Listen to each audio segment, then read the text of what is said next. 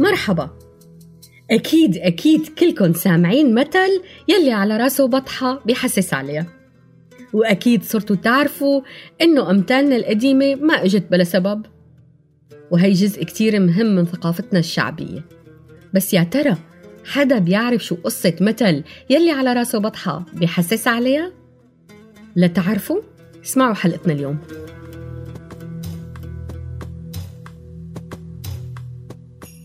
مثل يلي على راسه بطحة بحسس عليها بينقال وقت شخص بيحكي عن شيء سلبي أو حالة أو ظاهرة سلبية؟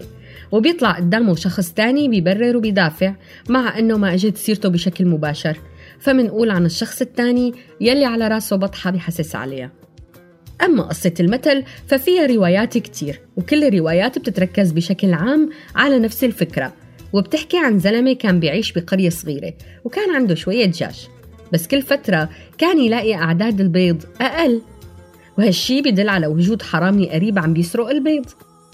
وبعد محاولات الزلمة ليعرف شو اللي عم بيصير ومين اللي عم بيسرق البيض ما بين معه شي وما قدر يعرف مين الحرامي. فراح شكى أمره لشيخ القرية.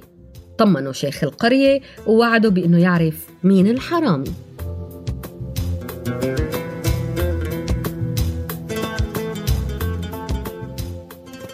فكر الشيخ كتير بطريقة يعرف فيها مين الحرامي. لحتى بالأخير طلعت معه الفكرة. بتاني يوم وقت تجمعت الناس للصلاة حكى شيخ القرية بخطبته عن الأمانة والسرقة. وبنهاية الخطبة حكى قصة سرقة البيض. وقال تخيلوا لو السارق قاعد بيناتنا ونسي يشيل ريش الدجاج عن راسه. فالسارق الحقيقي هو الوحيد يلي حط إيده على راسه ليتأكد إنه ما في ريش عليه. قام عرفه الشيخ وعرف إنه هو يلي عم بيسرق البيض ونال عقابه. ومن وقتها بينقال مثل يلي على راسه ريشة أو بطحة بحسس عليها بهذا السياق.